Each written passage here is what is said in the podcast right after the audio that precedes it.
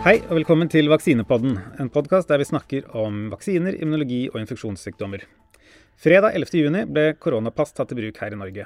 Passet vil gi personer som har beskyttelse mot SARS-CoV-2-viruset, visse fordeler, som f.eks. muligheten til å delta på enkelte arrangementer og mulighet til å unngå karantene etter å ha reist utenlands. Men hva er det som gir eh, koronapass, og, og, hvilke sånn rettslige eh, følger er det som kommer med det, det å ha et pass som gir enkelte personer visse fordeler foran andre? For å hjelpe oss å besvare noen av disse spørsmålene, så har vi med oss i dag førsteamanuensis Anne Kjersti Befring, som er en av Norges ledende jurister når det kommer til eh, smittevernsregler. Eh, I tillegg så har vi med oss Gunveig Grunne Grødland, og mitt navn er Even Fossum.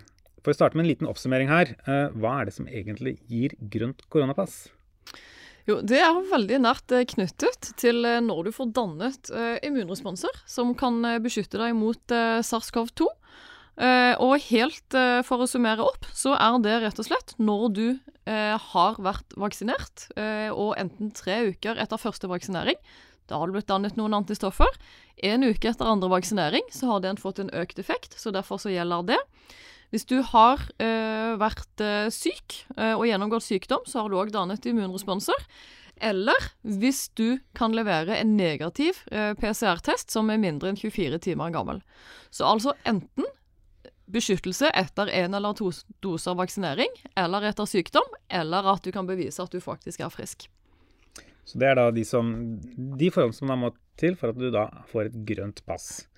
Eh, enkelte har jo da sammenlignet dette koronapasset med sånne ID-papirer, eh, og hevdet at det da kreves eh, lovendringer for at man da skal kunne ta i bruk dette her. Her har det vel til og med vært litt sånn uenighet mellom jurister i forhold til hvilke regler som gjelder. Anne Kjersti, hva, hva tenker du der? Har det jeg, jeg, har jo sett at flere jurister, annet hans Petter Graver eh, mener at eh, denne eh, ordningen skal reguleres på lik linje med andre ID-kort. Jeg har jo vært uenig i det, fordi, men altså vi er enige om at det bør en lovregulering til. Og slik har det da også blitt. Det er to bestemmelser i smittevernlovens kapittel 4a som er nye. Så Stortinget har vært involvert og vedtatt disse bestemmelsene. Men de eh, gir en fullmakt til departementet til å regulere nærmere når man kan kreve dette vaksinesertifikatet, som det heter i Norge. Eh, det som har vært uenigheten, det er jo eh, hvordan denne ordningen skal være innrettet. Hvor jeg har vært veldig opptatt av at den må begrenses i tid. Dette er ikke en varig ordning. Dette er en ordning som skal gjelde under pandemien. Eh, og da hører den hjemme i smittevernloven. Så her er jeg helt på linje med Helse- og omsorgsdepartementet og hvordan de har foreslått dette regulert. Et annet argument som har blitt brukt, det er at denne ordningen fører til forskjellsbehandling av mennesker. Er det noe vi har sett under hele pandemien, så er det at det er veldig store forskjeller geografisk og også individuelt på hvordan mennesker eh, blir beskyttet mot pandemien. Noen deler av landet har jo vært fullstendig nedlukket i flere måneder. I andre deler av landet har det vært helt åpent. Noen mennesker som er spesielt sårbare for smitte, har vært helt totalt isolert. Sånn at disse forskjellene Jeg mener det er litt Altså ikke på sin plass å bruke det argumentet på den måten det har vært gjort. Fordi eh, koronasertifikat vil jo bidra til økt frihet for de fleste. Er det noe, spiller, altså, det noen forskjell her i forhold til hvilke aktiviteter som blir regulert av et koronapass? Altså Så langt i Norge så er det snakk om egentlig ganske eh, Det er ikke de, de, de, helt essensielle oppgavene. Det er snakk om eh, konserter, størrelsen på arrangementer, eh, den type ting, som, som, i stor grad skal reguleres. Og kan jo på en måte argumenteres for at dette er ikke, det er jo ikke livsviktige eh, begivenheter nødvendigvis. Ja, det, det kan man. Mm. Og, og, det som også er veldig viktig sånn prinsipielt, er at det er ikke opp til enhver arrangør om de skal kunne kreve vaksinesertifikat. Det er opp til departementet hvem som skal ha anledning til å stille krav om å fremvise vaksinesertifikat. Eh, og dette har man argumentert ganske bredt for i eh, høringsnotatet som gikk til Stortinget, om at det ikke skal være opp til hver kommune heller. At det vil være en regulering som er, har veldig nær sammenheng med de andre smittevernreguleringene. Altså der hvor det er stor fare for smittespredning, og hvor det er nødvendig eh, for å kunne avholde et arrangement, at man kan fremvise et eh, vaksinesertifikat. Og så er det ikke opp til den norske regjering hvordan dette sertifikatet skal brukes i andre land. Mm. Vi kan bare regulere hvordan dette sertifikatet skal kunne brukes nasjonalt. Eh, og derfor har jo EU de tok et initiativ allerede i mars 2021 eh, for å lage et felles, eh, det de kaller pass og ikke sertifikat. Altså et vaksinepass. Eh, og denne ordningen i EU, den eh, er, ligger nå på bordet, og den er implementert i de norske reguleringene. Sånn at fra 1.7, når denne ordningen trer i kraft, så skal det norske vaksinesertifikatet ha betydning for reiser til andre land også, ikke bare det å slippe koronahotell når du kommer tilbake fra reiser til Norge. Mm. Et sånt uh, argument som kanskje har, har, har, dukket opp litt, er jo det med eh, altså Vaksinering er jo frivillig i Norge eh, og skal være frivillig. Det skal være opp til meg selv om jeg vil ta koronavaksinen eller ikke. Men selvfølgelig med et sånt pass hengende der, og som gir meg visse fordeler, er, er, kan dette her da bli en sånn en slags ja, rett og slett at folk føler seg tvunget til å måtte ta et pass, enten pga. kan være jobbsammenheng, altså vi skal ut og reise i jobbsammenhengen, at man må da bli eh, rett og slett eh, Det forventes av arbeidsgiver at man kanskje vaksinerer seg for å kunne utføre visse arbeidsoppgaver sånn. Eh, vil det være en utfordring her, eller? Ja, det, det, vil det. Altså, dette er jo et av de store dilemmaene med en sånn ordning. Mm. At uh, det vil kunne føre til et visst press om å la seg eh, vaksinere. Og så må vi jo drøfte ja, eh, hvilken betydning har det presset. Eh, det presset har jo særlig bety stor betydning dersom man føler seg presset til å ta en litt sånn risikabel vaksine, mm. sånn som Jansen og AstraZeneca. Eh, det har ja, kanskje noe mindre betydning når det gjelder disse veldig godt utprøvde vaksinene. Eh, og så er det jo Eh, det, et spørsmål om arbeidsgivers uh, muligheter til å forvente det. Altså Der kan det ligge en forventning som ikke er uttalt, men arbeidsgiver kan ikke kreve det. Det er veldig viktig å presisere. Uh, og det er nå departementet som skal regulere hvem som kan bruke denne ordningen. Jeg tenker jo at det at vi er i en pandemi, i seg selv er et press også. Altså det at vi vi står nå i et valg kanskje mellom å bli smittet av covid-19 og den risikoen det innebærer, eller å bli vaksinert. Så det er jo allerede et press der om å bli vaksinert. Mm. Jeg syns det er øh, Vel, vaksinering er og skal være frivillig, øh, og det er, det er jo et veldig viktig prinsipp. Uh, så norske helsemyndigheter satte jo en uh, et håp om at eh, opptil 90 av eh, den voksne befolkningen i Norge skulle eh, ønske å ta en vaksine.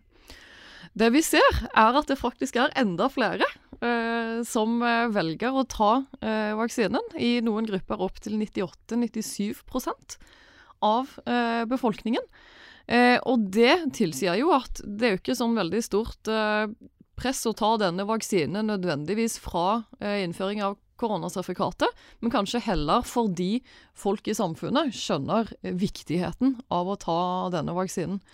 Eh, og jeg tror òg at når man i Norge har eh, en så høy oppslutning, så er det nettopp, som vi har vært inne på i flere episoder før, nettopp den tilliten som befolkningen har til eh, helsemyndighetene. Eh, og det går jo igjen på kommunikasjon både av fordeler og potensielle ulemper av vaksinene. At man kommuniserer åpent og så grundig som mulig til befolkningen om hva man faktisk står overfor. Vi kommer stadig tilbake at den direkte og åpne dialogen den er kjernen uh, i det vi holder på med når det gjelder pandemiberedskap. Mm. Jeg tenkte på det at det er jo En ting av de som på en måte bevisst velger å, la, å ikke vaksinere seg, Eh, pga. skepsis til vaksinene eller Eh, eller hva, hva, det måtte være. Men, men, så er det jo også enkelte som da ikke kan vaksinere seg. Som da enten pga. allergiske reaksjoner på, på vaksinen eller, eh, ja, eller andre reaksjoner. Eh, for de vil jo dette her kanskje være, altså føles veldig urettferdig. Der man gjerne ville latt seg vaksinere hvis man kunne, eller om man da faller utenfor, eller slett eh, ikke får ta, ta del i visse aktiviteter. Da. Uh, er det noe kan, ja. Ja, altså de som ikke kan la seg vaksinere, de har da muligheten til å ta en test. Og så få vaksinesertifikat på bakgrunn av en nylig avlagt test. Og nå er det jo blitt mye enklere å teste seg, eh, og det tar kort tid før du får tilbakemelding. Eh, ellers er jo en pandemi veldig urettferdig. Det er eh, mennesker, unge mennesker til og med som har dødd av denne pandemien. Fordi, enten fordi de er overvektige eller har andre underliggende sykdommer. Ja, og for noen så vet vi ikke hvorfor de blir så syke og dør. Så det er jo Det ligger allerede der en urettferdighet. Um, noen har jo vært totalt isolert fordi de er særlig sårbare i forhold til sykdommen. Og det er også urettferdig. Så det, er, det, er, det blir ikke rettferdig. En pandemi blir sjelden rettferdig. Men man må jo prøve å tilstrebe at det er en lik fordeling og tilgang til vaksiner, og en lik fordeling og tilgang til tester. Eh, og at man åpner samfunnet i den grad det er mulig, uten at det betyr at man begrenser friheten for en god del mennesker gjennom den økte risikoen for både smittespredning og alvorlig sykdom og død. Eh, det er jo tankevekkende det som skjedde i Tønsberg nå nylig. At en ung person rømmer fra et koronahotell, kommer fra et land med denne nye mutasjonen delta, og klarer å smitte ned store deler av samfunnet i Færder kommune, og ett menneske dør. Mange mennesker blir fratatt muligheten til å oppleve skoleavslutning. Barn og unge får ikke drive med fritidsaktiviteter. Altså det setter dette i perspektiv. Eh, og det perspektivet er jo at frihet for noen kan bli veldig mye ufrihet for andre og for store deler av samfunnet. Mm. Du nevnte dette her om uh, altså varighet, selvfølgelig, når det gjelder uh, disse tiltakene. At en av poengene med, med sånn vaksinesertifikat er at det er av begrenset varighet, og derfor skiller seg fra ID-pass. du har tidligere snakket om, om deler av smittevernloven når det gjelder nødvendighetsvilkår at det en måte skal være en, eh, en nødvendighet i de måte, reglene som blir satt, satt ned. Eh, hvordan vil det på sånn varighet og nødvendigheten forholde seg til smittetall her? Jeg tenker altså, Nå er jo smitten på vei nedover, eh, har vært det eh, egentlig en god stund. Eh, vi kan jo håpe, håpe at det fortsetter nedover. Når kan vi da si at, liksom, at disse tiltakene ikke lenger er nødvendige? Hvem er det som bestemmer det? Ja, og Det er en veldig kompleks vurdering, egentlig. Men når det gjelder varigheten, bare for å si det først, mm. så er det satt i Når det gjelder EU-passet, vaksinepasset i EU, så er det sagt at det i utgangspunktet skal vare i ett år. Eh, varigheten av de norske vaksinesertifikatene, eh, og for så vidt også EU-passet, vil jo tilpasses smittespredning. Og det kan jo komme en ny mutasjon som ikke vi har sett ennå, eller delta-mutasjonen som nå har spredd seg veldig i England igjen. Eh, kan jo innebære behov for å forlenge denne varigheten. Men det må jo baseres på behovet for å beskytte befolkningen og samfunnet mot spredning av et allmennfarlig eh, virus. Eh, så det må jo være både en medisinsk vurdering og en vurdering av statistisk sannsynlighet og eh, risiko for skadevirkninger av pandemien. Får vi et mye mindre farlig virus, eller en mindre farlig Eh, mutasjon, så kan det være unødvendig å, å lukke ned samfunnet, og dermed også å kreve vaksinesertifikat. Mm. Jeg tenker man også kan eh, legge til der at der er det viktig å ikke bare se på Norge og eh, smittespredning i Norge, men òg på smittespredning internasjonalt.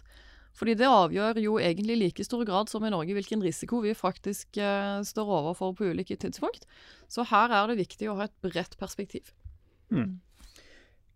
Uh, ja, apropos. altså Nå er jo smitte i Norge uh, er jo nå egentlig på linje med smitte i Sverige. Uh, sånn rent i til forholdsmessig. er det da, Nå har vi jo egentlig strenge regler i forhold til for innreise fra, fra Sverige fortsatt.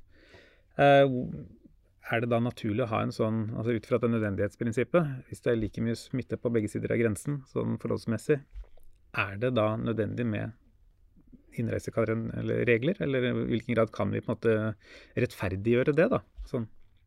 Dette er en vurdering man må gjøre kontinuerlig. Ja. Eh, og så vidt jeg har forstått, så er deltaviruset i full sving på den andre siden av grensen. den spres i store deler av Sverige. Eh, hva vet vi egentlig om smittetall i Sverige? Hvor mange tester seg? Altså, vi vet at i Danmark er det veldig mange som tester seg. Mm. I Sverige er det langt færre enn f.eks. i Norge. Eh, og, så hvilken kunnskap har vi? Mm. Vi må søke kunnskap, og vi må vurdere risiko. Mm. Det er en vanskelig vurdering, eh, men det er en vurdering som vi egentlig tilsvarer det man endte opp med etter hvert i eh, fjor sommer hvor man fikk broer til steder eh, som var, hadde en akseptabel smitterisiko. Så det må man jo òg vurdere dette året. Eh, og det som er litt uh, interessant, Norge og Sverige har jo hatt litt ulike uh, forløp uh, så langt i pandemien. Men det er derfor ganske interessant at vi nå faktisk har en ganske lik smittespredning. Og hvis du ser på antall vaksinerte, okay, så har de dobbelt så mange i Sverige som i Norge, men de er òg en dobbelt så stor befolkning. Røft, roughly. Sånn at vi har omtrent rundt 40% vaksinerte i begge land. Så med dagens situasjon så har vi faktisk ganske mange likhetstrekk med Sverige, og det er jo ganske interessant. Hmm. Da kan jo dette skyldes at man har opparbeidet naturlig immunitet gjennom den smittespredningen som har vært i Sverige, og hvor nær 15 000 mennesker har mistet livet, og mm. vi registrerer nå et stort antall mennesker med senvirkninger av covid. Uh, I en helt annen størrelsesorden enn i Norge. Uh, så det er på en måte kostnaden av det, uh, at man har holdt det såpass åpent.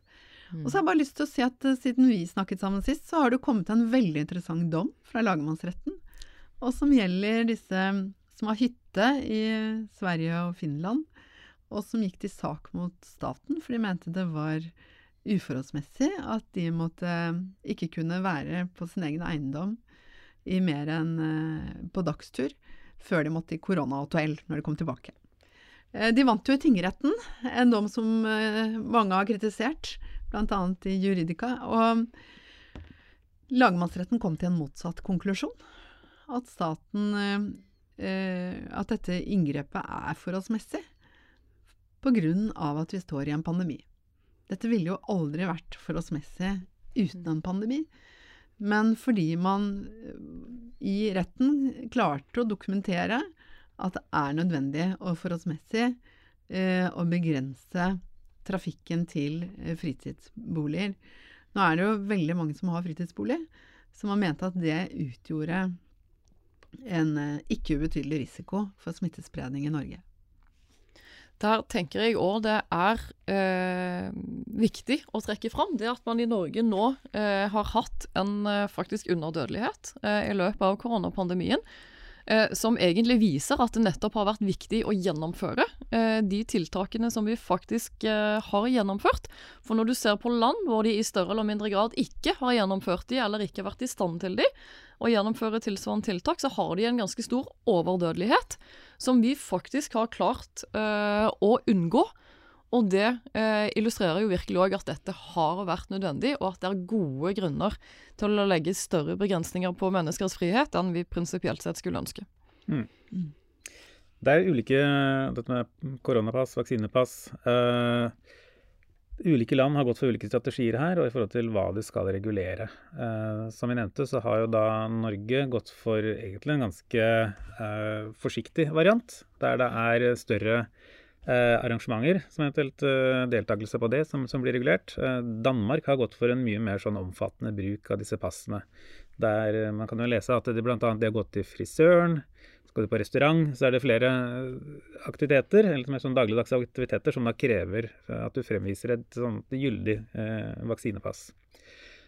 Er det noen risiko for at vi havner der også her i Norge, eller er det noe som på en måte begrenser bruken av et koronapass her i Norge?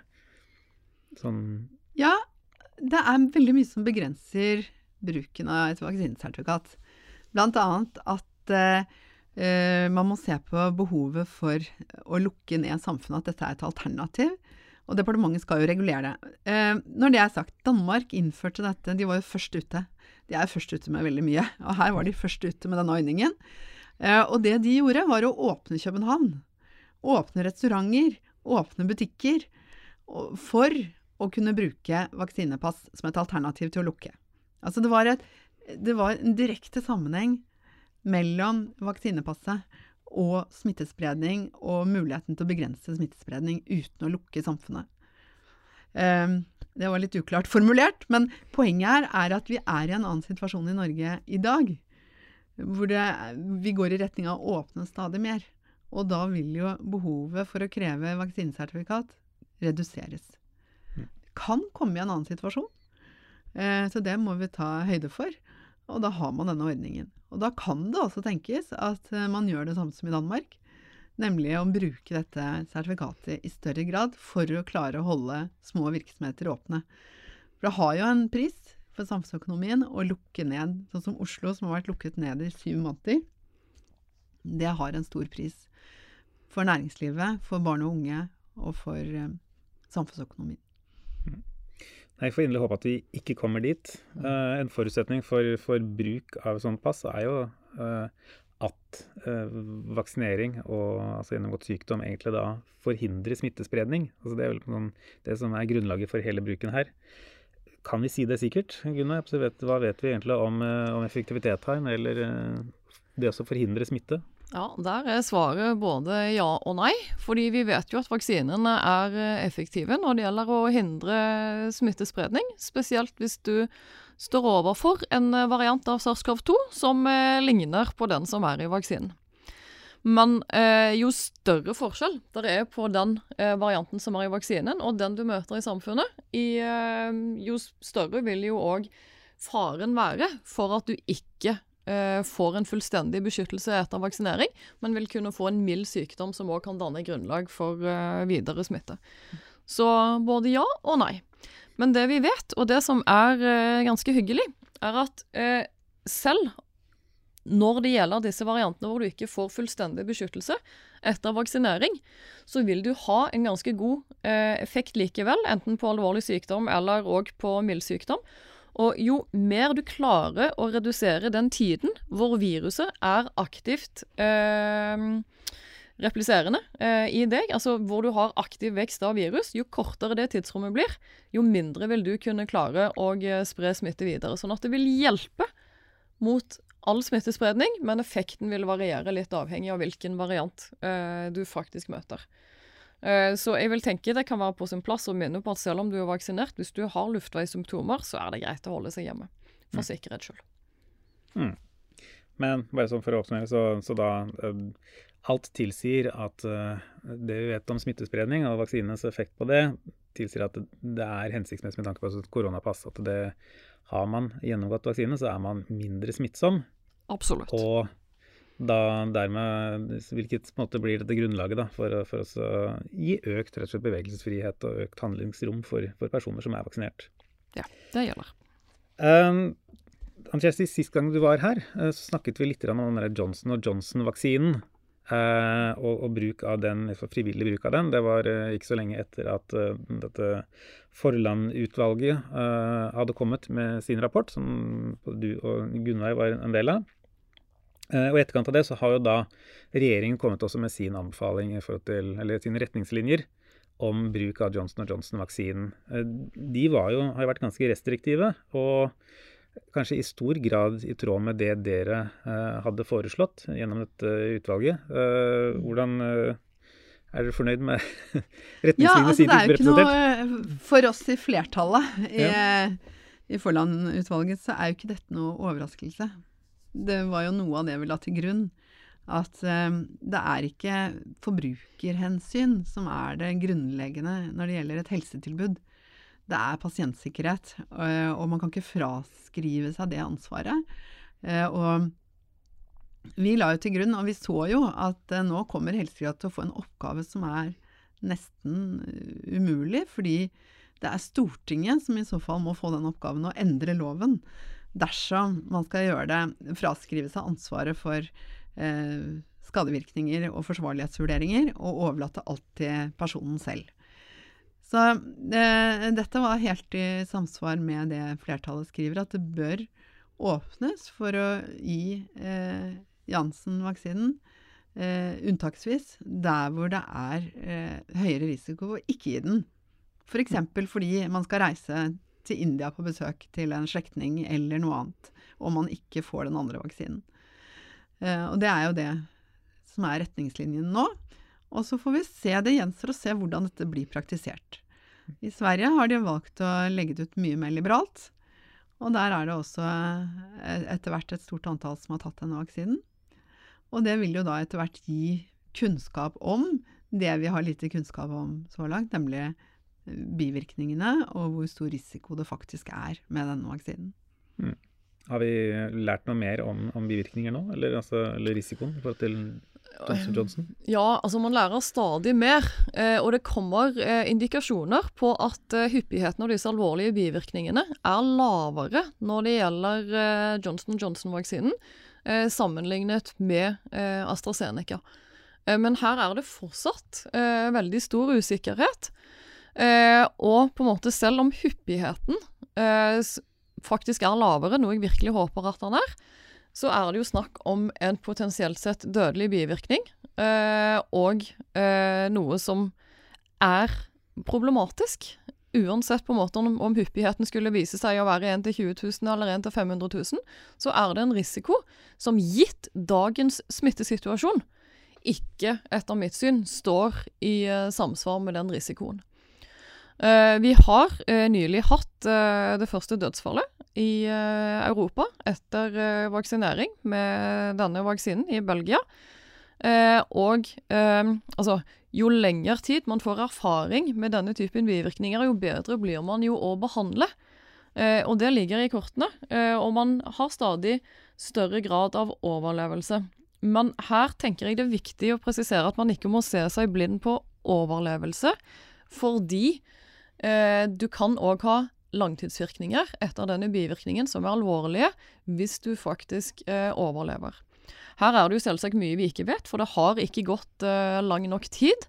Men et relativt vanlig element av eh, hvitt, denne alvorlige bivirkningen, er faktisk et hjerneslag. Og vi vet jo ganske mye om hjerneslag og hva slags langtidsvirkninger det har. Og det varer ikke dager eller uker eller måneder, det kan vare år etter at du faktisk ble utsatt for det. Eh, så det er ingen grunn til å se seg blind på dødelighet, eh, og det er fortsatt alvorlig. Så jeg håper vi lærer om mer, men eh, ja, jeg er i sum fortsatt veldig heldigvis enig med den vurderingen vi kom fram til i ekspertutvalget. Mm. Mm. Vi har jo blitt møtt med at andre legemidler kan gi tilsvarende negative virkninger, malariamedisiner osv. Um, det, har du, det har jo du kommentert noen ganger, Gunnveig. Um, ja, altså det er alltid en risiko med alle legemidler. Eh, men det som skiller eh, vaksiner, eh, og spesielt en vaksine som eh, dette mot en infeksjonssykdom som nå sprer seg som en pandemi, er at man vaksinerer friske individer. Personer som det faktisk er mulig aldri vil komme i kontakt med dette viruset, som ren forebygging. Og da er jo den risikoen man aksepterer, helt annerledes enn om du bruker en medisin som behandling for en eksisterende sykdom. Det blir veldig forskjellige ting. Mm. Så fortsatt egentlig ja, eh, enig med de konklusjonene som dere, eller de anbefalingene som kom i, i, i rapporten. En ting, Et spørsmål som kanskje jeg har lurt litt på, da, eh, er jo um, dere har vært ganske sånn kritiske til bruk av Johnson Johnson-vaksinen. Men allikevel så ble jo da var liksom anbefalingen at den fortsatt skulle kunne ha den der visse bruken uh, uh, i en sånn frivillig basis. Hadde det vært enklere å bare sagt uh, nei? At ikke bruk den? Jeg starter der. og det er fordi jeg tenker i utvalget så har vi en ganske god bevissthet om at samfunnet er ikke svart-hvitt. Eh, ting er ikke alltid enkelt. Eh, der er mange gråsoner. Eh, og i utvalget så gikk vi enstemmig faktisk inn for at det skulle være mulig med en viss grad av frivillighet. Det vi var uenige om, var hvor grensen for den frivilligheten gikk. Eh, og det eh, oppfatter jeg er eh, ikke fordi vi var for at på en måte frivillighet skulle være en stor del av situasjonen nå, men snarere fordi eh, man ønsket å legge grunnlaget for eh, framtidige vurderinger. Eh, og smittesituasjoner de kan endre seg. Eh, og eh, det vi prøvde å gjøre, var kanskje å antyde en terskel for hvor vi tenker denne grensen for frivillighet faktisk bør gå. Som Anne Kjersti var inne på tidligere, så bør det være høyere risiko forbundet med viruset for enkeltindividet enn for eh, vaksinen. Og det er på en måte et generelt prinsipp som kan benyttes ikke bare i den situasjonen vi sto i da, den vi står i nå, men den vi kan komme opp i om et år eller fem år eller ti år. Det kan komme nye virus som er langt farligere, og hvor det vil være helt riktig å akseptere en risiko eh, som kanskje er høyere til og med enn den eh, fra Johnson Johnson eller AstraZeneca-vaksinene, for å prøve å møte den trusselen vi står overfor da. Så dette er en fleksibel vurdering, og vi prøvde egentlig å, å starte en diskusjon og noen perspektiver som er nyttige ikke bare akkurat nå, med den risikosituasjonen vi har nå, men som vi òg kan bruke framover for å vurdere hvor grensen for risiko kan gå. Da tror jeg vi avslutter eh, diskusjonen her om koronapass og, og oppsummering av Johnson-vaksinen. Eh, tusen takk til Anne Kjersti Befring for at du tok deg tid til å komme og, og snakke med oss. Eh, tusen takk til Morten Skoglund ved Seksjon for eh, medisinsk informatikk for teknisk produksjon, og takk til dere som hørte på.